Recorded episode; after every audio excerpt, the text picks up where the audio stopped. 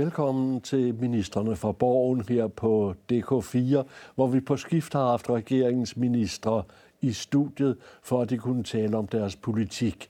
I dag er det sundhedsministeren Ellen Trane Nørby, der lige har fremlagt den vel nok største sundhedsreform, Danmark nogensinde er blevet præsenteret for.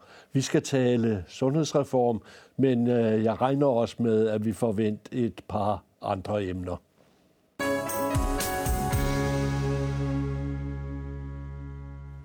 Velkommen, Ellen Trane Nørby. Tak skal du have. Det, du har fremlagt sundhedsreformen her for ganske kort tid siden. Et digert værk, hvis man printer det ud af det på 111 sider, øh, om indretningen af vores sundhedsvæsen. Øh, det var en svær fødsel. Det skulle være kommet i efteråret, og det er først lige kommet. Hvad, hvad gik galt? Jeg vil gerne have fremlagt sundhedsreformen i efteråret. Jeg tror egentlig også, at vi kunne have undgået noget af den der diskussion om diskussionen, og kunne have diskuteret, hvordan vi forbedrer vores sundhedsvæsen i årene fremover, hvordan vi skaber mere nærhed, hvordan vi skaber mere sammenhæng for patienterne, fordi der er rigtig mange, der oplever, at der er blevet langt til de store sygehus, og det har vi behov for at, øh, at øh, få lavet ligesom et modspil til. Men øh, finanslovsprocessen i efteråret trak jo ud, og det gjorde også, at det var meget svært øh, oven i det at fremlægge en sundhedsreform. Og derfor skriver vi så januar, men ikke desto mindre vigtigt er det jo, at vi kigger på, hvordan vi styrker vores sundhedsvæsen i årene fremover. Både for patienterne, øh, og så de oplever, at der er tid til dem, og deres patientrettigheder bliver overholdt. Der er flere behandlinger, der kan rykke tættere på, hvor man bor. Men også for vores medarbejdere i sundhedsvæsenet, som, øh, som oplever, at der i høj grad er behov for, at vi også forandrer for at kunne forbedre vilkårene i sundhedsvæsenet. Hvad er køreplanen nu? Altså, øh det er meningen, at det hele skal træde i kraft 1. januar 2021. Det vil sige, at der er 23 måneder til det hele træder i kraft. Men øh, der er en masse ting, der skal falde på plads, øh, og der kommer et folketingsvalg ind imellem. Øh, er det meningen, at du vil have reformen vedtaget i lovsform inden folketingsvalget, inden sommerferien, eller skal du bare have et forlig på plads? Hvad forestiller du dig rent teknisk i Folketinget? Jamen, øh, vi lægger op til at lave en politisk aftale her i foråret, og så vente med lovgivningen til efteråret, efter et folketingsvalg, så man også kan tage højde for øh, danskernes meningstilkendegivelser ved valget. Men jeg tror, man må sige, at ligegyldigt hvilken regering, der kommer til at sidde med Sundhedsministeriet fremover, så bliver man nødt til at lave en reform af det danske sundhedsvæsen. Fordi vi har et godt sundhedsvæsen nu, men vi kan også se, at det er udfordret. Vores medarbejdere er presset, der er travlhed på vores store sygehus, og det betyder, at vi har behov for i de kommende år at styrke vores nære sundhedsvæsen, og ikke mindst kvaliteten i de sundhedstilbud, der ligger ude hos egen læge, ligger ude i kommunale sundhedshus. Vi skal investere i at få bygget flere sundhedshuse og moderniseret lægepraksiser landet over, så vi får taget hånd om de lægedækningsudfordringer, der er, og så vi også skaber faciliteterne til, at man kan rykke flere behandlinger tæt på. Det kan være røntgen, det kan være små, simple scanninger, kontroller, øh, ukomplicerede øh, prøvetagninger, som der ikke er nogen grund til, at man som borger og patient skal køre både 50 og 60 km for at få foretaget, som det desværre sker nogle steder i vores, øh, vores, vores land. Og derfor lægger vi jo også op til at, øh, at investere i vores nære sundhedsvæsen med en nærhedsfond på 6 milliarder kroner, sådan at vi kan få udbygget de sundhedshus øh, og moderne lægepraksiser, der er nødvendige for, at vi ligegyldigt hvor vi bor i Danmark, kan føle, at sundhedsvæsenet rykker tættere på, og vi har den, den tryghed, at der er en læge tæt på, hvor vi bor.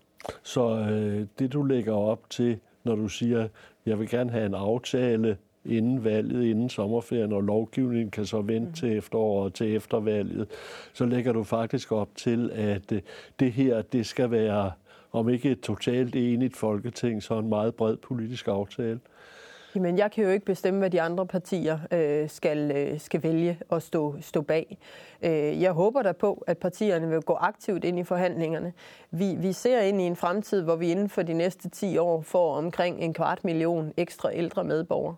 Øh, kigger vi på øh, andelen af mennesker, som lever med diabetes, så øh, forventer vi en øh, stigning på 85 procent. Øh, mennesker med kroniske lungelidelser ser vi også ud til at få en stor vækst i. Og generelt så lever vi jo længere, og det er jo rigtig, rigtig skønt, men vi lever også længere med vores sygdomme.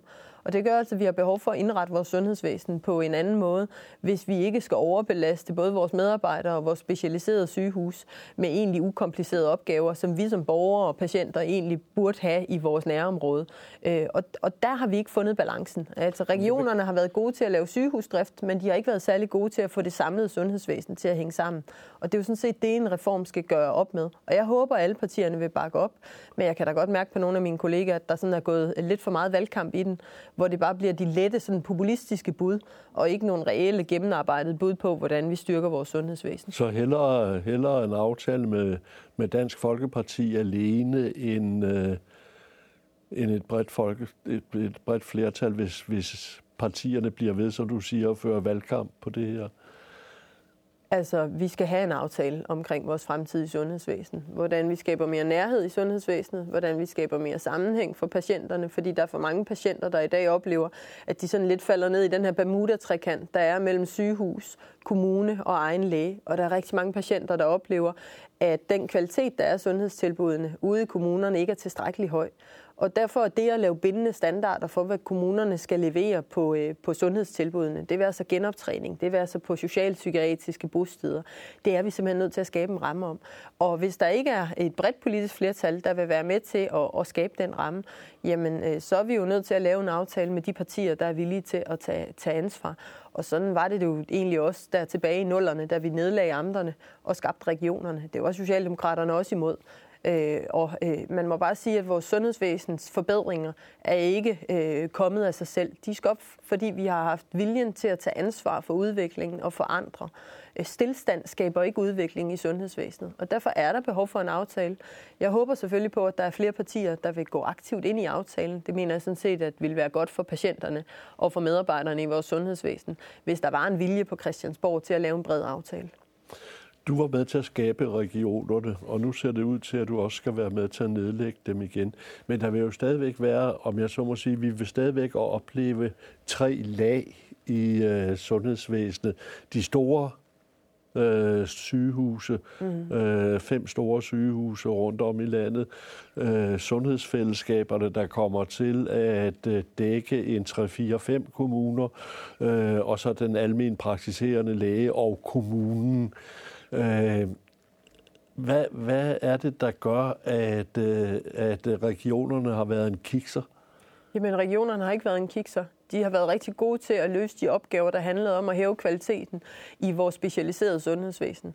Sammen med den specialeplan, som Sundhedsstyrelsen har lavet, og som vi jo besluttede nationalt, at de skulle lave, vi har øh, nationalt drevet udviklingen med kraftpakker, med øh, øh, krav til, hvordan vi skulle løfte kvaliteten på, på sygehusene. Og, og det må man jo sige, det er jo langt hen ad vejen lykkedes. Altså, vi har halveret hjertedødeligheden i Danmark. Vi har en bedre overlevelse på kræft end nogensinde. Og hvis man kigger på øh, den uafhængige svenske tænketank, som vurderer, hvordan ligger de europæiske sundhedsvæsener, så kårede de sidste år Danmark til at have det tredje bedste sundhedsvæsen i Europa. Og men, samtidig et af de billigste? Øh, nej, det tror, jeg, det tror jeg nu ikke. Og man kan også sige, at siden 2001 er sundhedsvæsenet det velfærdsområdet, hvor vi har investeret aller, aller flest penge. Vi har haft en stigning på 40 procent i udgifterne, og vi har sådan set flere ansatte end nogensinde. Øh, både læger og sygeplejersker og også andre grupper øh, har der sket en generel vækst i på, på vores sygehus. Men det regionerne ikke har formået at løfte, det er jo i høj grad det nære sundhedsvæsen det at bringe behandlinger tættere på, hvor vi, hvor vi bor. Øh, og det vi også kan se, der ikke er blevet løst i tilstrækkelig grad, det er sammenhæng. Altså sammenhæng mellem et specialiseret sygehusvæsen og så det, der sker ude i kommunerne, når man som ældre medborger bliver udskrevet. Hvordan er sammenhængen så til ældreplejen? Eller at egen læge er koblet godt nok på, så man ikke som patient står i en utryg situation, hvor man ikke føler, at højre hånd ved, hvad venstre hånd gør. Og den opgave, den skal løses i de kommende år. Og der synes vi, at regionerne er for langt væk og sundhedsfællesskaberne, de 21, vi skaber på tværs af sygehus og egen læge og kommune, er langt tættere på, hvor vi bor, og også det rette forum for at få det her daglige samarbejde omkring patienterne til at fungere bedre. Det, der fik dråben til, altså, hvordan startede det hele? Var det der, øh, den dråbe, der fik bæger til at flyde over? Var det, at, øh, at øh, vi fik et IT-system på Sjælland og i hovedstaden, som ikke fungerede. øh, mens de kunne finde ud af det i Jylland og på Fyn. Var det det, der, der satte det hele i gang, eller hvor kom ideen fra til at lave den store reform? Jamen, øh, vores ønske er sådan set hele tiden at forbedre vores sundhedsvæsen. Og, og når man kigger på sundhedsvæsenet i dag, øh, så er der behov for en reform af det nære sundhedsvæsen. Der er også behov for en økonomisk investering i at få bygget sundhedshuse op, få moderniseret vores lægepraksiser, så vi får sikret bedre lægedækning i hele landet. Der er også behov for at afsætte penge til at styrke vores akutberedskab, fordi der er for stor forskel på, hvor hurtigt ambulancerne kommer frem rundt i landet. Øh, og, og der synes vi sådan set, det er rimeligt, at vi sætter nogle nationale standarder. Men der er der ingen tvivl om, at diskussionen omkring Øh, vores patientjournalsystemer er for mig at se en, øh, i høj grad en lektion i, at vi ikke skal have fem sundhedsvæsener i Danmark. At vi skal have et sundhedsvæsen Danmark. Øh, og når det kommer til for eksempel sådan noget som IT, så lægger vi jo op til, at den beslutning skal kunne træffes et sted, så vi på sigt kan få et integreret system. Vi kan ikke gøre de beslutninger det om... Det er just.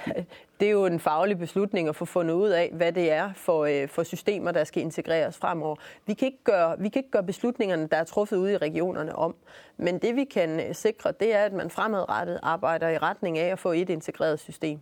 Og det gælder også for eksempel på akutområdet, hvor øh, vi synes, at det er øh, ret problematisk, at man sidder i fem øh, regioner og ligesom planlægger akutberedskabet. Så vi i dag står i en situation, at alt fra, øh, hvad er det for nogle medarbejdere, til hvad er det for en udrustning, der er i ambulancerne, er forskellig, øh, alt afhængig af, hvor man bor i landet. Øh, bor man i region Nordjylland, så vil man opleve, at kun 91 procent af ambulancerne når frem inden for 15 minutter.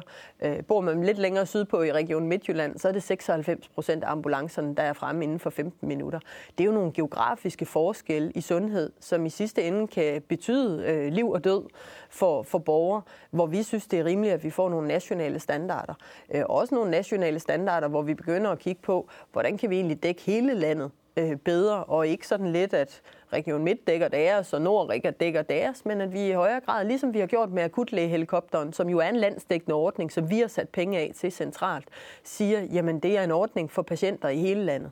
Øh, og de ting, der synes vi ikke, at der skal være fem modeller. Der synes vi sådan set, at der skal være en national standard for, hvad det er for et akutberedskab, vi skal have i Danmark. Og det ønsker vi også at investere nogle øh, flere penge i, så vi kan få 10-15 ekstra ambulancer eller akutlægebiler landet over til at styrke trygheden øh, i Danmark. Du er jo blevet skældt heder og ære fra af Venstres regionale og kommunale bagland. Har du ikke inderst inde på fornemmelsen, at øh, det er altså regionspolitikerne, der siger sådan. Øh, det er kommunalpolitikerne, der siger sådan. Men den almindelige dansker, den almindelige venstremand, er i og for sig meget godt tilfreds, selvom det er, øh, må du jo indrømme, en centralisering. Vi skubber en lang række opgaver ud og skaber mere nærhed og decentraliserer. Men der er også nogle beslutninger i sundhedsvæsenet, hvor vi siger klart og tydeligt, at der skal vi ikke øh, lave fem modeller. Der skal vi have et sundhedsvæsen Danmark, øh, IT-systemer, akutberedskab, men også det her med at sikre nogle ordentlige kvalitetsstandarder, sådan at vi ikke sidder øh, og øh, ligesom øh, hver, i hver kommune og definerer, hvad skal en apopleksipatient have af genoptræningstilbud, at vi får nogle standardiserede rammer for det. Og det tror jeg egentlig, patienterne og borgerne i Danmark forventer, at det ikke er postnummer, der afgør, hvilket sundhedstilbud man, man får. Øh, også patientrettighederne, vi jo har øh, vedtaget ved lov i Danmark, der kan vi se en meget, meget forskellig overholdelse af, øh, hvor godt de bliver fuldt. Øh, Region Sjælland er det kun 7 ud af 10 borgere, der får deres patientrettigheder opfyldt til for eksempel udredning. I Region Nordjylland der er det øh, lidt mere end 9 ud af 10 patienter. Og det synes vi grundlæggende ikke er rimeligt, at der er så stor forskel. Øh, fordi dem, der øh, godt kan finde ud af at finde rundt i vores system, øh, det er jo i høj grad ressourcestærke borgere med stærke pårørende, der også nogle gange kan finde vej. Men dem, vi for alvor taber, det er jo mennesker, der er ressourcesvage, og som ikke øh, får den behandling, øh, som, som de har krav på, og som vi sådan set har lovgivet efter. Og det synes vi ikke er rimeligt, og derfor kommer vi til at styrke vores patientrettigheder, og også sige, at der skal være en national overholdelse af patientrettighederne, hvor det ikke er regionerne selv, der lidt sidder og kigger på, Nå, hvor det godt går det så, eller hvor skidt går det her hos, øh, hos os. Men der er der ingen tvivl om, at øh, når du nævner for eksempel Stephanie Lose, der jo er formand for Danske Regioner, øh, så har jeg et rigtig godt samarbejde med Stephanie, og, og jeg oplever egentlig, at hun er enig i meget øh, størstedelen af den reform, vi lægger frem. Men hun er jo valgt som regionsrådsformand, og tro, at hun skulle synes, det var en god idé at ændre på regionerne, øh, det tror jeg ikke, vi kommer, kommer derhen. Og sådan var det vel også i sin tid, da vi nedlagde vores 14 amter, at vores amtsborgmestre og vores amtsrådspolitikere, de synes ikke, det var en god idé, fordi deres øh, udgangspunkt var jo, var jo amterne på det tidspunkt. Og tilsvarende er det jo for vores regionspolitikere nu. Men vi laver jo vores sundhedsvæsen for vores patienter. Øh, og det er vores opgave som nationale politikere også at sørge for, at patienterne over hele landet får det samme stærke sundhedsvæsen, og at man ikke accepterer geografisk ulighed eller social ulighed øh, med så store variationer, som vi har set nu. Øh, og, de, og derfor øh, tager jeg gerne den diskussion, fordi jeg mener, det er det rigtige at lave nogle forandringer for at forbedre vores sundhedsvæsen til gavn for patienterne. Du opretter, eller regeringen opretter en nærhedsfond, du nævnte den selv lige på mm. 6 milliarder til at, øh, at, at øh, få, få alle landets dele til at fungere på samme måde. Mm. Men er det hele, når det kommer til stykket, ikke også et øh, spareprojekt? Nej, vi kommer til at bruge flere penge på sundhedsvæsenet i årene øh, fremover. Jo, jo, det siger befolkningsudviklingen jo. altså, det, det siger den i sig selv. Men du har selv nævnt nogle, nogle eksorbitant store tal for, øh, hvad der skal være mindre af behandlinger øh, på de store sygehuse og flyttes ud. Altså, vi er oppe og snakker om flere tusind mennesker, som, som, øh, som bliver behandlet, om jeg så må sige, forkert i dag og kunne behandles billigere og nemmere. De bliver ikke behandlet forkert, men når vi sætter et mål om, at øh, 500.000 ambulante besøg skal kunne foregå i nærområdet, så er det jo fordi, når man har mødt tilstrækkeligt mange øh, mennesker med kroniske lidelser, som øh, tager fri fra arbejde, kører 50 kilometer sætter sig i et venteværelse, kommer ind til en relativt simpel kontrol, som måske tager 10-15 minutter, og så kører man så hjem igen. Øh, hvor den kontrol, eller den blodprøvetagning, eller øh, den øh, røntgenundersøgelse øh, lige så godt kunne have ligget i nærområdet. Så mener jeg sådan set, at det påviler os også politisk at sige, at det fremtidige sundhedsvæsen, vi kigger ind i, der nytter det ikke noget, at man kører langt efter små, simple behandlinger. Altså det, der ikke er svært, det skal være nært. Og der må man bare sige, der har de sidste 10-12 år, år med regionerne i høj grad været sådan en, en magnet omkring de store sygehuse, hvor alt er flyttet med ind. Og nu skal vi have en udflytning igen, så flere sundhedstilbud bliver tilgængeligt i vores nærområder. Det kræver, at vi med Nærhedsfonden og de 6 milliarder kroner, vi ekstraordinært sætter af til at lave investeringer, får bygget nogle moderne sundhedshus de steder, hvor vi ikke har det i dag får moderniseret almen praksis og også skabt øh, altså, plads til flere læger, flere ansatte, så man får flere fag under samme tag og kan klare flere opgaver, så vi får den der øh, øh, tryghed. Så nej, det her det er en investeringsopgave i vores sundhedsvæsen. Øh, der øh, bliver brugt flere penge, og det kommer der også til at blive fremadrettet. Øh, men vi skal bruge vores penge klogt, altså, fordi øh, vores medarbejdere løber hurtigt i dag. Og hvis vi skal frigøre tid inde på vores øh, store sygehuse, til de øh, behandlinger, til de patientforløb, der bliver mere og mere komplekse, og hvor folk ikke bare fejler én ting, men har multisygdomme, og virkelig har behov for, at specialerne også bliver bragt sammen omkring patienten. Så skal alt det, der ligesom øh, handler om, at bioanalytikeren tager en prøve, eller at sygeplejerskerne i et ambulatorie øh, bruger, bruger tid, så skal det flyttes ud i vores nærområde, så vores medarbejdere på de specialiserede sygehus for alvor også får frigjort deres tid til de mange flere behandlinger, vi ser i årene fremover. Du har, af de 6 milliarder, der her bliver sat af øh, som en ekstra pulje, der kommer halvanden milliard mm. fra det at nedlægge regionerne.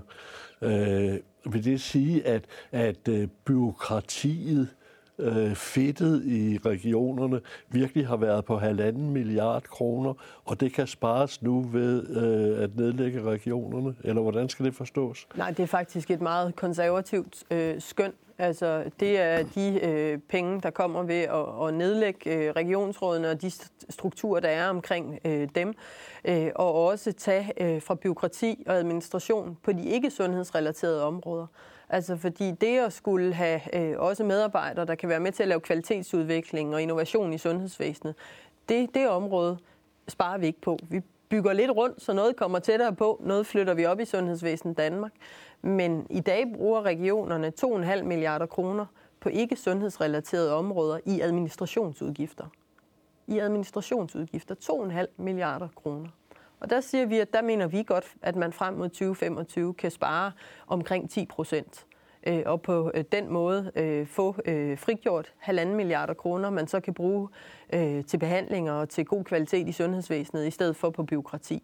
Og i sidste ende er det jo en prioriteringsdiskussion. Altså om man, øh, om man ønsker at skære ned på administrationen, på de ikke sundhedsrelaterede områder i regionerne og bruge det på, øh, på sundhedsvæsenet. Øh, og det, det gør vi, og det er klart, at hvis man ikke tør røre ved regionerne og bare siger, at vi skal have det niveau også fremadrettet, jamen så kan man ikke få de øh, halvanden milliard kroner ud til at, at bruge på sundhedshuse og ambulancer og sygeplejersker og kompetenceløft i kommunerne. Så det, at vi har en folkevalgt, folkevalgte regioner med hver deres administration, gør faktisk, den del af demokratiet koster faktisk halvanden milliard kroner?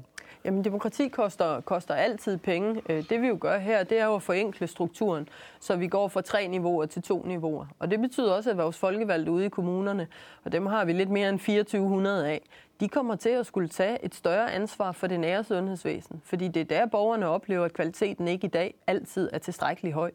Altså at øh, standarden på, på ældreservice og samarbejdet med, med, med sygehuset ikke fungerer godt nok, eller hvis man er ung pige med øh, spiseforstyrrelser eller en psykisk øh, lidelse og, og mistrives, så er der en tendens til i dag, at rigtig mange forældre ender med at og føle sig som en kastebold i systemet, fordi kommunen siger, ah, det kan vi ikke helt klare, regionen siger, nej, det er stadigvæk kommunen, der har ansvaret. Det skal være meget værre, før at det, det bliver os, og det holder simpelthen ikke. Vi taber mennesker, vi taber ikke mindst nogle af vores svageste borgere, nogle af de mennesker med psykiske lidelser, fordi vi ikke har et stærkt nok samarbejde i det nære, øh, nære sundhedsvæsen. Og der kommer kommunerne til at skulle spille en større rolle og tage et større ansvar for forebyggelsen og for samarbejdet øh, ude i det nære sundhedsvæsen. Og det mener vi, at regionerne er for langt væk. Øh, og så skubber vi nogle opgaver op, som Folketinget og de folkevalgte på Christiansborg i sidste ende er nødt til at tage ansvar for, at vi får et mere ensartet øh, niveau. Øh, og i den ombæring, der kommer vi til at spare på noget af byråkratiet i øh, regionerne i dag, så vi kan bruge det i stedet for på at investere i vores sundhedsvæsen. Ja, det hele kommer til at fungere, som jeg har forstået det på den måde, at du, øh, sundhedsministeren, hvert år fremlægger en årsplan for, øh, for sundhedsvæsenets mm. udvikling. Øh, i form af en redegørelse til Folketinget, eller hvordan? Nej, som bliver en, øh, bliver en udviklingsplan, og som selvfølgelig øh, vil også være forankret i de forhandlinger, der er i Folketinget, og hvad det er for en villighed, der er fra, øh, fra Folketingets side i forhold til også at afsætte ekstra økonomi til at løfte kvaliteten i vores sundhedsvæsen. Men udviklingsplanen bliver jo det politiske mandat og dokument, som vores øh, sundhedsvæsen Danmark og også forvaltningerne og sundhedsfællesskaberne fremadrettet vil skulle arbejde ud fra, så man netop er sikker på, at man ikke har øh, fem steder, hvor man ligesom opfinder sine egne tilbud, sundhedstilbud, øh, men at vi siger, at det her det er den nationale retning. At hvis vi, øh, og det gjorde vi jo for eksempel også på kraftpakkerne i sin tid, Altså, øh, da øh, Lars Løkke Rasmussen var, var sundhedsminister, og han, øh, han øh, sammen med øh, daværende øh, formand for Danske Regioner, Bent Hansen, skabte øh, kraftpakkerne. Der var det jo en national beslutning, at vi gik fra, at kraft og hjertesygdom nogle gange endte bag os i køen, fordi der ikke var nok opmærksomhed på, at det faktisk var en akut sygdom. Vi definerede det om til akut sygdom, og vi lavede behandlingsstandarder for, hvad man skal have af tilbud på kraft- og hjerteområdet. På samme måde vil man jo i en udviklingsplan fremadrettet kunne sige, at det her område skal løftes i vores sundhedsvæsen. Øh, og, og også afsætte øh, penge til det, sådan at det er det, der øh, i høj grad bliver den prioritet, der så øh, ligesom giver sig til udtryk i hele sundhedsvæsenet. Så vi får en mere national udvikling på, på nogle områder af vores sundhedsvæsen, og også giver mere rum til, at vores dygtige medarbejdere så gør det, de er gode til, øh, netop at tage sig af patientbehandling. Jo, men når der kommer sådan en udviklingsplan hvert år, øh, kan det så ikke let altså blive sådan, så den ikke når at blive implementeret, før der kommer en ny? Jeg mener, på folkeskoleområdet, på forsvarsområdet, på medieområdet, der arbejder man med tre eller fire år for lige. Du skal komme med, øh, du skal komme med han nær sagt, nu går vi i den retning, og allerede et år efter, så går vi lidt mere i den retning. Kan det ikke blive lidt temmelig forvirrende? Nej, fordi sådan vil det ikke være. Men det vil være den økonomiske ramme, og det vil være, være øh, sådan udviklingsdokumentet. Det vil sige, at det giver en mulighed for, det meste er jo en stor supertanker, hvor man ikke ændrer retning. Men det giver mulighed for, at man øh, kan tage bestik af, hvad er det for nogle områder, hvor øh, patienterne ikke oplever, at kvaliteten er, er god nok. Og så vil man kunne sætte særligt fokus på det. Og man kan sige, det er jo sådan set også det, vi gør i de årlige økonomiaftaler med regionerne i dag. Hvor øh, hvis jeg tager den økonomiaftale, der er gældende for i år, som vi forhandlede sidste år med danske regioner, så valgte vi jo fra regeringens side at sige, at vi ikke synes, at regionerne havde løftet psykiatrien godt nok. Og derfor øremærkede vi specifikt midler til psykiatrien, fordi vi har et behov for, at vi løfter vores tilbud til mennesker med psykiske lidelser. Og det er jo sådan et meget godt eksempel på øh, altså et problem, der er i sundhedsvæsenet i dag, og hvor de øh, redskaber, vi har i dag, ikke nødvendigvis altid er stærke nok til at kunne sætte tilstrækkeligt fokus på, at et område skal, skal løftes. Øh, og, og tilsvarende vis, så vil udviklingsplanen jo være, være sådan rammen for, hvordan vi løfter øh, kvaliteten i vores sundhedsvæsen i årene fremover.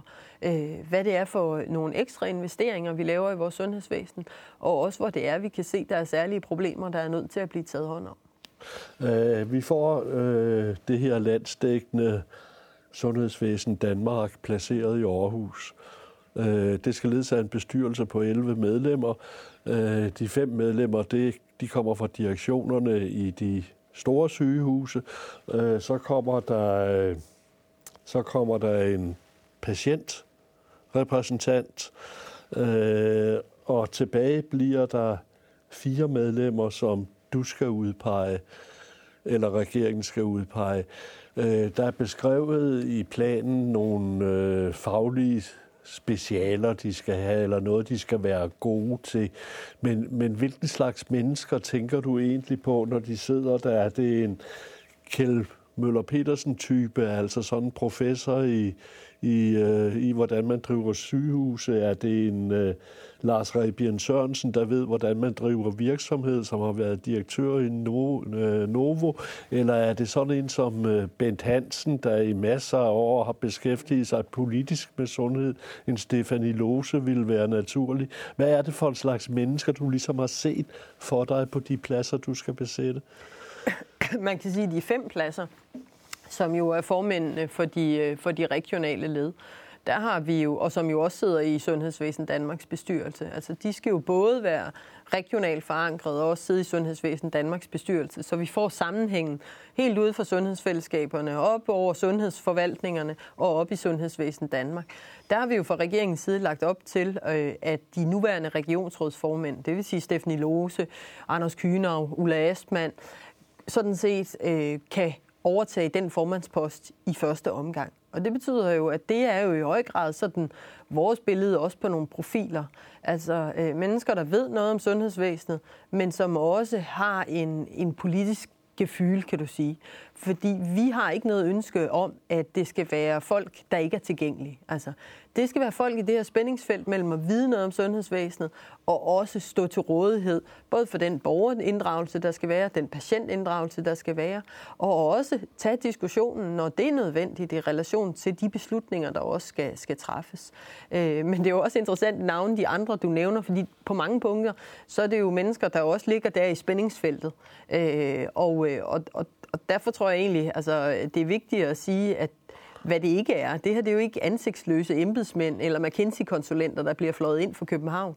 Øh, det her det er jo mennesker, der er lokalt forankret i de forskellige regioner, som ved noget om sundhed, og som har nogle kompetencer i forhold til at drive vores sundhedsvæsen øh, fremadrettet, og sørge for, at vi får et større fokus også på den sundhedsprofessionelle og den sundhedsfaglige drift af vores sundhedsvæsen, så vi får hævet kvaliteten, øh, så vi også får øh, gennemført visionerne om at få mere nærhed og sammenhæng i vores sundhedsvæsen, og så vi sørger for, at vores patientrettigheder bliver overholdt.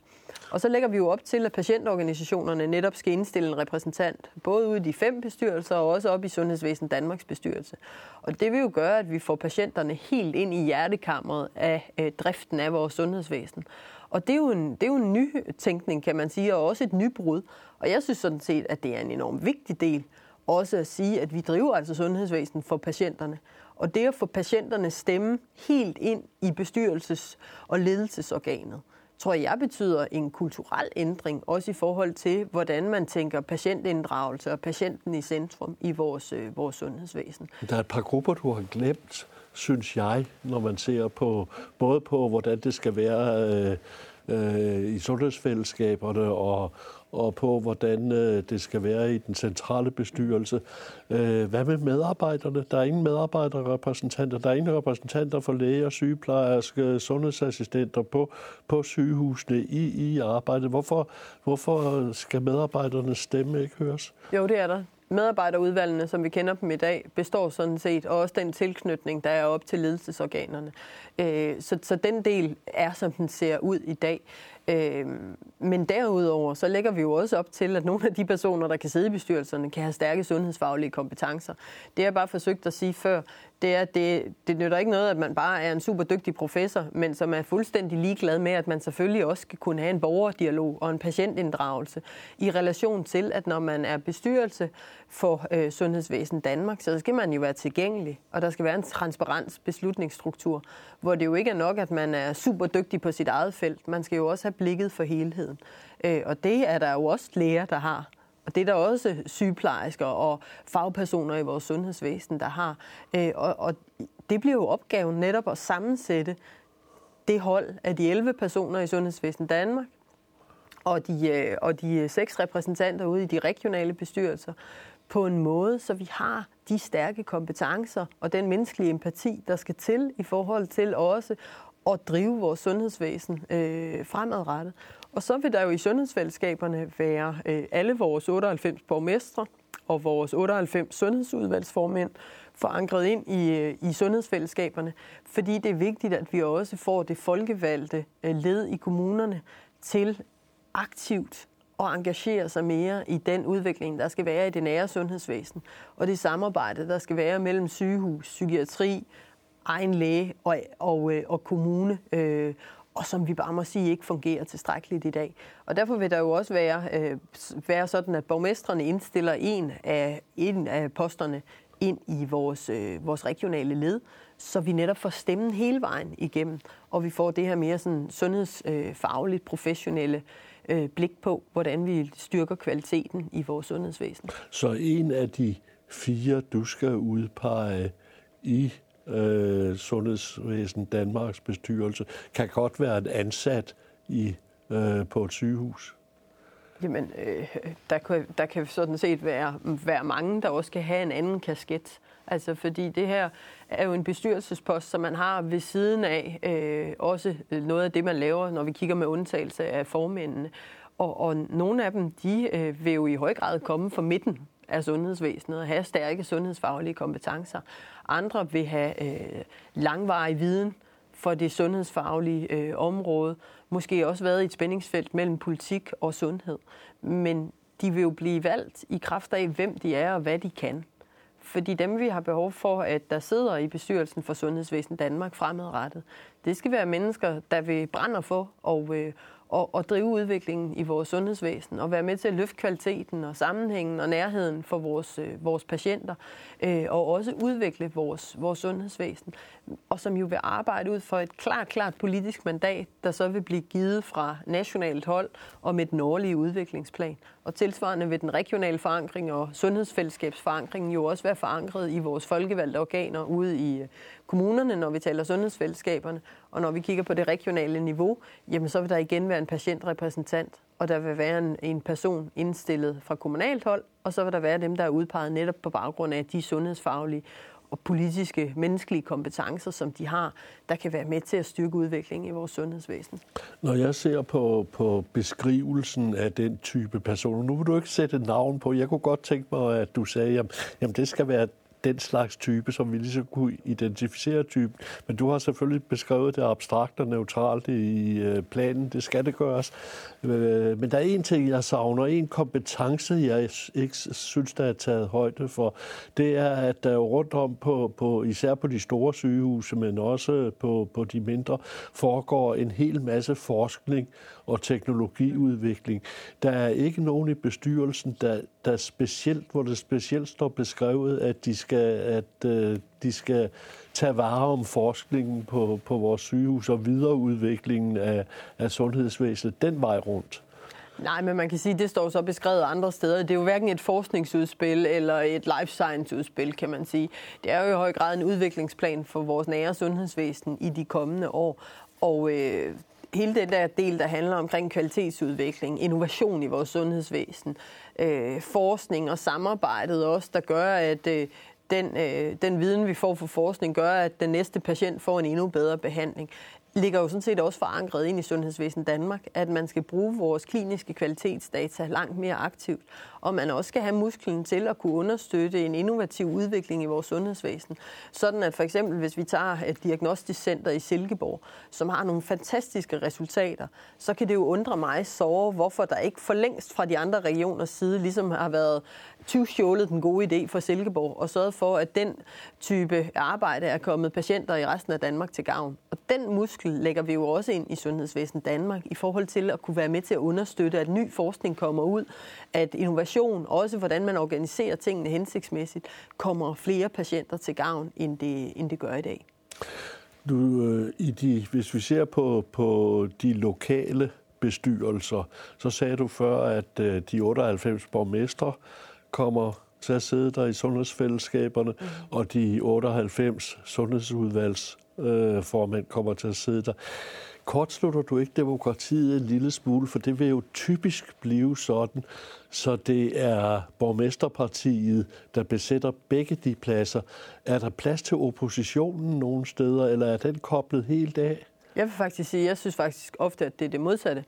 Altså, og når vi har lagt op til, at det både er borgmester og sundhedsudvalgsformand, så er det både fordi, vi har behov for, at både borgmestrene og i det princippet hele byrådet forstår vigtigheden af den rolle, de skal spille i de kommende år for at få styrket kvaliteten i det nære sundhedsvæsen.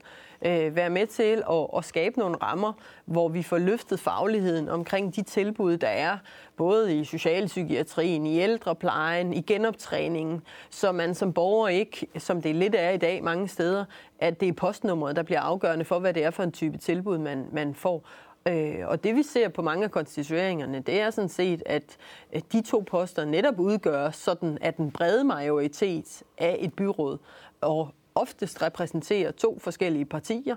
Øh, og og vores, øh, vores tro er sådan set også, fordi sundhedsfællesskaberne skal jo være en stærk motor i det nære sundhedsvæsen. Og det betyder jo også, at man skal møde op med mandat, kan man sige. Altså, de praktiserende læger, øh, som øh, møder op, de to, der skal kunne tegne de øh, oftest omkring 200 praktiserende læger, der er i sådan et sundhedsfællesskabsområde, de skal jo kunne tale på vegne af de praktiserende læger.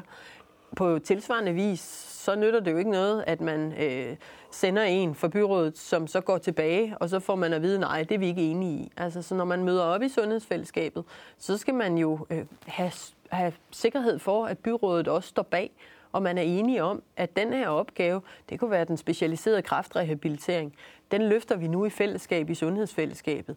Eller pigen med, med psykiske lidelser, hvordan er det, vi organiserer det fremadrettet? Eller det her skisma, der i dag er, som jo betyder, at der er borgere, der på daglig basis føler, at, øh, at det bestemt ikke er dem, der bliver sat i centrum, når det handler om kampen omkring behandlingsredskaber og hjælpemidler, øh, hvor øh, kommuner og regioner i dag slås om regningen, i stedet for at samarbejde omkring, at patienten får et bedre forløb. Det kan være diabetespatienten, der ikke kan få en glukosesensor, øh, selvom øh, vi ved, at det vil betyde et mere vel behandlet diabetesforløb, selvom vi ved, at risikoen for, at der så kommer tilstødende sygdomme og en forværing i sygdommen, er meget mindre. Så sidder regioner og kommuner og slås om regningen. Og, og, og for at kunne løse sådan nogle ting, så er man jo nødt til at møde frem med et mandat og også en, et, et klart ønske om, at samarbejdet i det nære sundhedsvæsen skal ske på patientens præmisser. Jo, men du, du siger, at det i dag ofte er sådan i kommunerne, det er din erfaring, at øh, det ikke er borgmesterpartiet, der besætter pladsen som formand for, for Sundhedsudvalget. Men den formandspost i Sundhedsudvalget, den bliver jo så attraktiv nu. Mm fordi det er jo også noget, der virkelig koster kommunerne penge. Den bliver jo så attraktiv nu, så det typiske vil i fremtiden vil, vil være, at det er borgmesterpartiet, der besætter sundhedsudvalgsformandsposten. Det tror jeg ikke. Altså, øh, jeg tror faktisk næsten det modsatte. Jeg er helt enig med dig i, at det bliver jo en endnu mere attraktiv post. Øh, og blive formand for, for Sundhedsudvalget. Øh, også fordi øh, der, hvor vi har udfordringerne, det er jo i forhold til at få løftet kvaliteten i vores nære sundhedsvæsen. Og derfor vil det jo oftest øh, være sådan, at det bliver en del af en konstitueringsaftale, som ligesom handler om, hvordan kan vi også få et bredt flertal øh, der konstituerer øh, sig sammen. Øh, men ikke desto mindre, så øh, er der ingen tvivl om, at hvis man spørger øh, befolkningen om, hvor det er, de nogle gange synes, at kvaliteten ikke er stærk nok, så er det meget ofte i de kommunale sundhedstilbud. Og det er jo sådan set det, vi både investerer penge og kræfter i at få styrket de næste 10 år, fordi vi har fået styr på kvaliteten i det specialiserede sundhedsvæsen. Og hvis vi skal have kvaliteten i det nære sundhedsvæsen til at fungere, så skal vi have kommunerne og kommunalpolitikerne til at forstå, at man ikke bare er patient, men at man også er ældre medborger, og man er dybt afhængig af, at det, der sker på sundhedsområdet, hænger sammen med den pleje og den omsorg, man får på ældreområdet. Eller hvis man som, øh, som, øh, som aktiv på arbejdsmarkedet lige pludselig bliver syg, så er man afhængig af, at kommunens jobforvaltning også forstår, hvad vil det sige at være patient, så man ikke ender med at ende på kanten af arbejdsmarkedet, eller komme ud i et langvarigt sygt afpengeforløb, hvor man ikke får fodfæstet på arbejdsmarkedet igen eller netop nogen med psykiske lidelser, som er dybt afhængige af, at kommunens for eksempel uddannelse og PPR-samarbejdet øh, fungerer bedre. Og derfor er det nødvendigt, at kommunen altså også forstår, at vi jo ud over at være patienter, og skal have en god behandling inde på et sygehus, også har behov for, at det hænger sammen med de andre store velfærdsområder. Og det kan regionerne ikke løse. Fordi det er opgaver, der ligger ude i kommunerne. Og hvis vi skal have det nære sundhedsvæsen til at fungere bedre, og sætte patienten i centrum derude også, øh, sammenhængen til at være bedre, så er det kommunalbestyrelsesmedlemmerne, der skal engagere sig mere. Og derfor tror jeg også, at sundhedsudvalgsformandens posten vil blive endnu mere attraktiv. Altså, det er jo en attraktiv post allerede i dag, men den vil jo blive endnu mere attraktiv i de kommende år, hvor vi kommer til at skulle investere så massivt i at få løftet kvaliteten i vores nære sundhedsvæsen med moderne sundhedshuse, med flere opgaver, der, der flytter ud. Du lægger op til et vis opgaveglidning. Noget lægerne har lavet før skal i fremtiden øh, klare sig sygeplejersker. Noget det sygeplejerskerne har lavet før skal i fremtiden kunne klares af bioanalytikere, altså det, der i gamle dage hed laboranter. Øh, der, der, der sker ligesom en, en, en opgaveglidning nedad i systemet, om man så må sige. Tror du ikke, du kan risikere at løbe panden imod nogle faglige konflikter der? Men man kan sige, at den opgaveglidning sker jo allerede i, øh, i dag. Altså, det er ikke lægen, øh, der, der tager blodprøven. Øh, det er bioanalytikeren eller sygeplejersken øh, mange steder. Det er ikke lægen, der altid kommer ud til den ældre medborger. Det er ofte social- og sundhedsassistenten. Og det vi sådan set har behov for at sikre, det er, at der kommer et stærkere samarbejde mellem de forskellige faggrupper, og vi bruger de øh, kompetencer, der er hos de forskellige fagpersoner, bedre, end vi har gjort tid til. Altså i dag øh, tager øh, sygeplejerskerne for eksempel øh, blodprøver eller vaccinerer på delegation, altså øh, fra en læge. Altså øh, opgaver, som de udfører i dagligdagen, og hvor vi siger, det er helt naturligt, at vi kigger på, øh, om, om sygeplejerskerne egentlig ikke skal have deres eget virksomhedsområde, så sygeplejersken ikke skal spørge lægen, om jeg må give en vaccination, men kan vurdere det, fordi vi har nogle rigtig, rigtig dygtige sygeplejersker. Og vi på den måde kan bruge kompetencerne bedre, men også få samarbejdet til at fungere bedre. Altså fordi fysioterapeuten og kiropraktoren kan noget andet end lægen, og det er sådan set, når borgeren med øh, ondt i ryggen og muskel kommer ind, og man ikke kun tror, at det er lægens kompetencer, der altid er det eneste, men at man samarbejder om, hvornår er det egentlig det er det ene og det andet, så kan vi få skabt et stærkere sundhedsvæsen. Øh, og det er jo det, vi kan se de steder, hvor det fungerer godt. Altså, der, der får man patienten sat i centrum, og så byder man ind med hver sin faglighed. Og de steder, hvor det ikke fungerer godt, der bliver det netop den der faglige kamp, som vi skal undgå. Og derfor er der også behov for, at vi med sundhedsreformen får sat nogle ordentlige rammer omkring det samarbejde, der skal være på tværs af faggrupperne i de kommende år. Øh, jeg kunne også tage eksemplet med, øh, med jordmøder og samarbejdet med sundhedsplejersker. Altså, jordmøderne er jo en regional funktion i dag. Sundhedsplejerskerne er et kommunalt tilbud der vil der være en kæmpe stor synergi i, at de sad dør om dør i et moderne sundhedshus. Sådan at allerede når man ser den sårbare mor i graviditeten, så kan man begynde at se, hvad er det egentlig, man også når sundhedsplejersken skal tage over, hvad er det så, man skal være særlig opmærksom på. Og de samarbejder, dem skal vi udnytte i fremtiden ved at øh, også skabe nogle moderne sundhedshus, hvor man øh, som, øh, som borger og patient kan, øh, kan få flere sundhedstilbud, når man går ind af, af døren i stedet for at man lidt render det ene og det andet sted hen, og så bliver det sådan en overgang fra en region til en kommune, at vi der får de der glidende samarbejder i stedet for, så vi får styrket kvaliteten og sammenhængen for patienterne. Et sidste spørgsmål omkring sundhedsreformen. Øh, lige til Lotte Blikst fra øh, Dansk Folkeparti, som på mange måder kan gå hen og blive en ret afgørende person for dig, og som er meget inde i, i sundhedsstoffet. Hun har sagt, at øh, der eksisterer omkring 60 forskellige øh, specialiserede småsygehuse, afdelinger, institutioner rundt omkring i landet, som I forestiller jer nu øh, skal være kommunale, hvor hun siger niks, det går ikke. Øh, mener du, at de skal være kommunale, de her, eller er det noget, er det afgørende spørgsmål for dig? Altså, det er jo børne- socialministerens område. Det er de specialiserede sociale institutioner, hvor der blev lagt 1000 øh, institutioner øh, ud, øh, da man nedlagde amterne. Og nu er der omkring 60 tilbage, og de er meget forskellige. Nogle af dem, det er egentlig bare sådan mere historiske årsager, at de ikke kom med ud sammen med de 1000. Og nogle af de andre, det er jo enormt super specialiserede øh, steder. Kofods Minde, øh, der ligger nede i Rødby Havn. Øh, og der øh, lægger vi jo netop op til at sige, at i modsætning til, at det var kommunalreformen, hvor man ligesom sagde, det er den kommune, hvor institutionen ligger, som skal tage ansvaret. Så siger vi jo, at de her institutioner er nogle af dem så specialiseret, at der er det ikke Lolland Falster Kommune, der kan drive det. Men man kunne godt forestille sig, at Københavns Kommune, med den styrke, de har, kunne drive det. De har i forvejen også mange borgere dernede. Øh, og, og det er jo en dialog, vi nu er nødt til at tage, både med Dansk Folkeparti og også de øvrige øh, partier, ligesom vi har haft øh, dialogen med Dansk Handicapforbund og nogle af aktørerne i forhold til, hvordan det er, man, man ser det forankret. Fordi de er jo regionalt forankret i dag. Og det er klart, at når man flytter på det, så skal man have fundet ud af, hvor er det, de bedst skal drives fremadrettet. Og der har vi lagt et forslag frem, øh, og, øh, og nu lytter vi til, hvad der kommer af andre input. Øh, og man kan sige, det er jo ikke det er jo ikke sundhedsområdet som sådan, men det er jo klart, at det bliver en side, øh, sideeffekt af sundhedsreformen, fordi vi ændrer på regionerne. Tilsvarende lægger vi jo den kollektive transport ud i, øh, i kommunerne. De driver størstedelen af busruterne i forvejen. Nu øh, kommer de så også i de kommunale trafikselskaber til at kunne skulle tage ansvaret for de busruter, der går på tværs af, af kommunegrænserne. Øh, I hovedstadsområdet lægger vi op til en helt øh, særlig øh, konstruktion med det, vi kalder HOTS, som skal være et øh, hovedstadens offentlige trafikselskab, som skal gå på tværs af Movia og metroen og, og busruterne, så man får et forum, hvor man i langt højere grad kan samarbejde om, at bussen ikke er kørt, når toget kommer ind, og de der klassiske situationer. Øh, og man kan sige, det kommer vi selvfølgelig også til at skulle forhandle, fordi når vi med sundhedsreformen lægger op til at ændre på regionerne, så får det også nogle konsekvenser for nogle af de andre områder. Øh, tilsvarende rykker vi jordforureningen op, så staten tager det nationale ansvar for jordforureningen. Og det gør også, at vi bliver sat i stand til at kunne rydde op efter nogle af de der store, frygtelig grimme generationsforureninger, vi har forskellige steder i landet.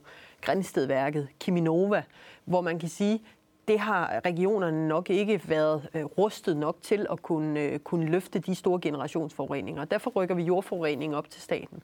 Og det siger sig selv, at det kommer vi selvfølgelig til at drøfte med de partier, der vil være med til at lave sundhedsreformen.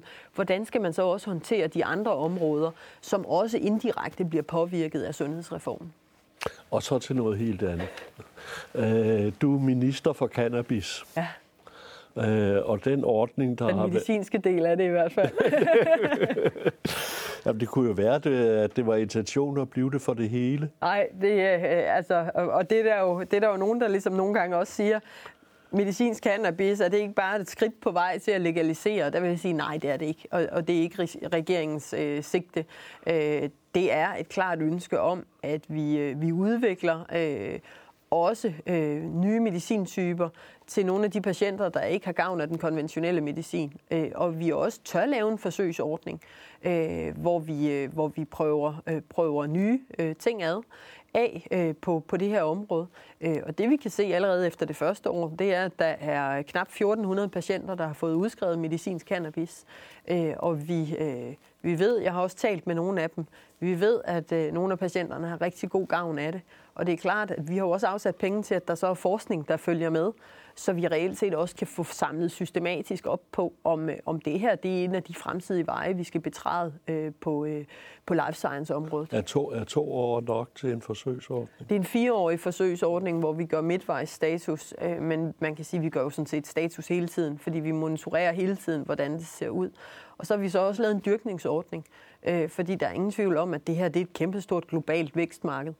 Øh, og der øh, kan jeg jo se på de seneste opgørelser, som Udenrigsministeriet har, har lavet, at det, at vi har tur satse på medicinsk cannabisproduktion i Danmark, betyder lige nu, at der opgøres en milliard investering i Danmark øh, og øh, blevet skabt langt over 200 arbejdspladser i Danmark. Og jeg ser da langt hellere, at de arbejdspladser ligger i Danmark, end at de ligger i Tyskland eller, eller Holland eller andre steder. Eller Kalifornien. Eller Kalifornien for den sags skyld. Men jeg tror, øh, man må sige, øh, Canada er et kæmpestort område, og der er også nogle af de amerikanske stater.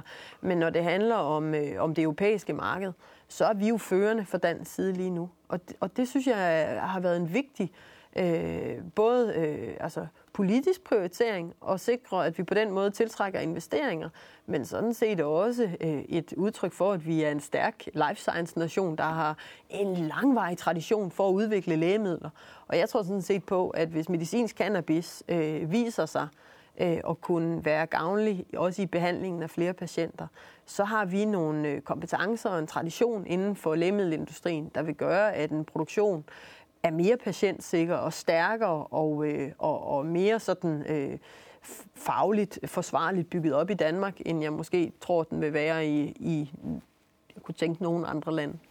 Øh, du fik masser af hug for et, øh, en øh, lov, du gennemførte om at indføre tolkegebyr mm. øh, på lægebesøg, hvis man efter at have opholdt sig tre år i Danmark, stadigvæk har brug for en tolk øh, ved, ved besøg i sundhedsvæsenet, så skal man selv betale. Ja. Er det ikke temmelig småligt? Nej, det synes jeg ikke, det er. Altså, for mig så er det sådan set meget, meget principielt. Altså, øh, når, man, øh, når man kommer til Danmark, man bosætter sig i Danmark, så skal man lære dansk, hvis man vil være en del af det danske samfund. Og derfor synes jeg, det er helt rimeligt, at hvis man ikke kan dansk efter tre år, at så skal man selv betale for sin tolkning, hvad end det er hos lægen, eller på sigt forhåbentlig også på andre øh, punkter.